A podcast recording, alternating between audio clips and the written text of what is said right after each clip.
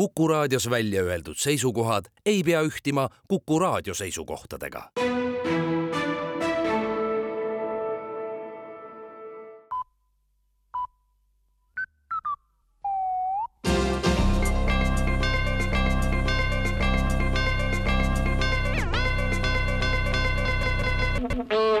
tere kuulama uudiseid stuudios Rohke Debelak valitsus annab teada, et kodukulude vähendamine on selgelt praeguses kriisis üks võtmeküsimusi ning valitsuskoalitsioon on kodukulude vähendamise eest koostöös pankadega jõulisemalt seismas.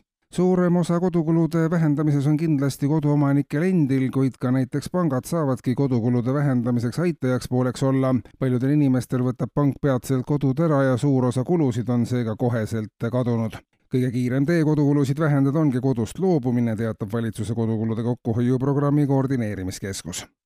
valitsus on erakorralisel haridusalasel nõupidamisel eile aga leidnud esialgseid lahendusi õpetajate puuduse leevendamiseks puudu on ja suurusjärgus kaks tuhat õpetajat, kuid varjatud reserve probleemi lahendamiseks on samuti, märgiti nõupidamisel esialgu tehakse ettepanek lapsevanematele ise õpetajaametisse astuda, kõigepealt saavad ettepaneku need lapsevanemad, kes on sagedasti märku andnud, et nad on õpetajatest oluliselt targemad ja jagavad iga päev tungevaid soovitusi, esitavad nõudmisi, kuidas õpetaja oma tööd tegema peaks. Teated koolidest annavad lootust, sest selliseid lapsevanemaid on kerge leida ja nende hulk on puuduolevast kahest tuhandest siiski oluliselt suurem. esmakordselt on nõudlikel lapsevanematel peatselt võimalus haridusse otseselt ise panustada terviseamet annab teada, et järjest enam on Eestis küürus inimesi ja kõige sagedamini on tegemist maksuküüruga, mis on tekkinud järjest kasvava maksukoorma kandmisest valitsuse tasemel arutatakse neil päevil, kas maksuküüru nihutada, aga praegu pole selge, kas küüru asukoha muutmine inimesele kuidagi abiks oleks ja kas oleks parem kahe küüruga maksumaksja.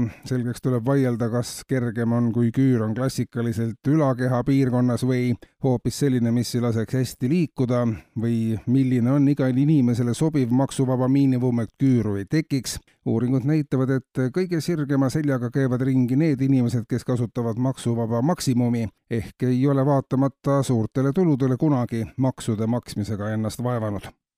Ning veel, valitsuses on laual uue ministeeriumi loomise kavand ning hetkel oodatakse mõjuanalüüsi valmimist, et ellu kutsuda segamisministeerium. nagu nimigi ütleb, saab loodava ministeeriumi peamiseks ülesandeks igakülgselt segada nii ettevõtjate kui ka kõikide teiste ühiskonnagruppide igapäevast tööd ja toimetulekut. hetkel segab inimesi iga ministeerium eraldi ja harva koordineeritult ja see toob kaasa olukorra, kus vahel tundub, et riik nagu otseselt ei segagi ja siis jälle segab igal sammul, eriti suures ulatuses segamisministeeriumi alustades aga oleks kogu segamine ühe ministeeriumi käes ja ülejäänud saaksid inimeste ellu sekkumise lõpetada ja keskenduda mittesegamisele. analüüs näitab, et tegelikult tahavad nii riik kui rahvas peamiselt üht, et neid ei segataks nii palju. kuulsite uudiseid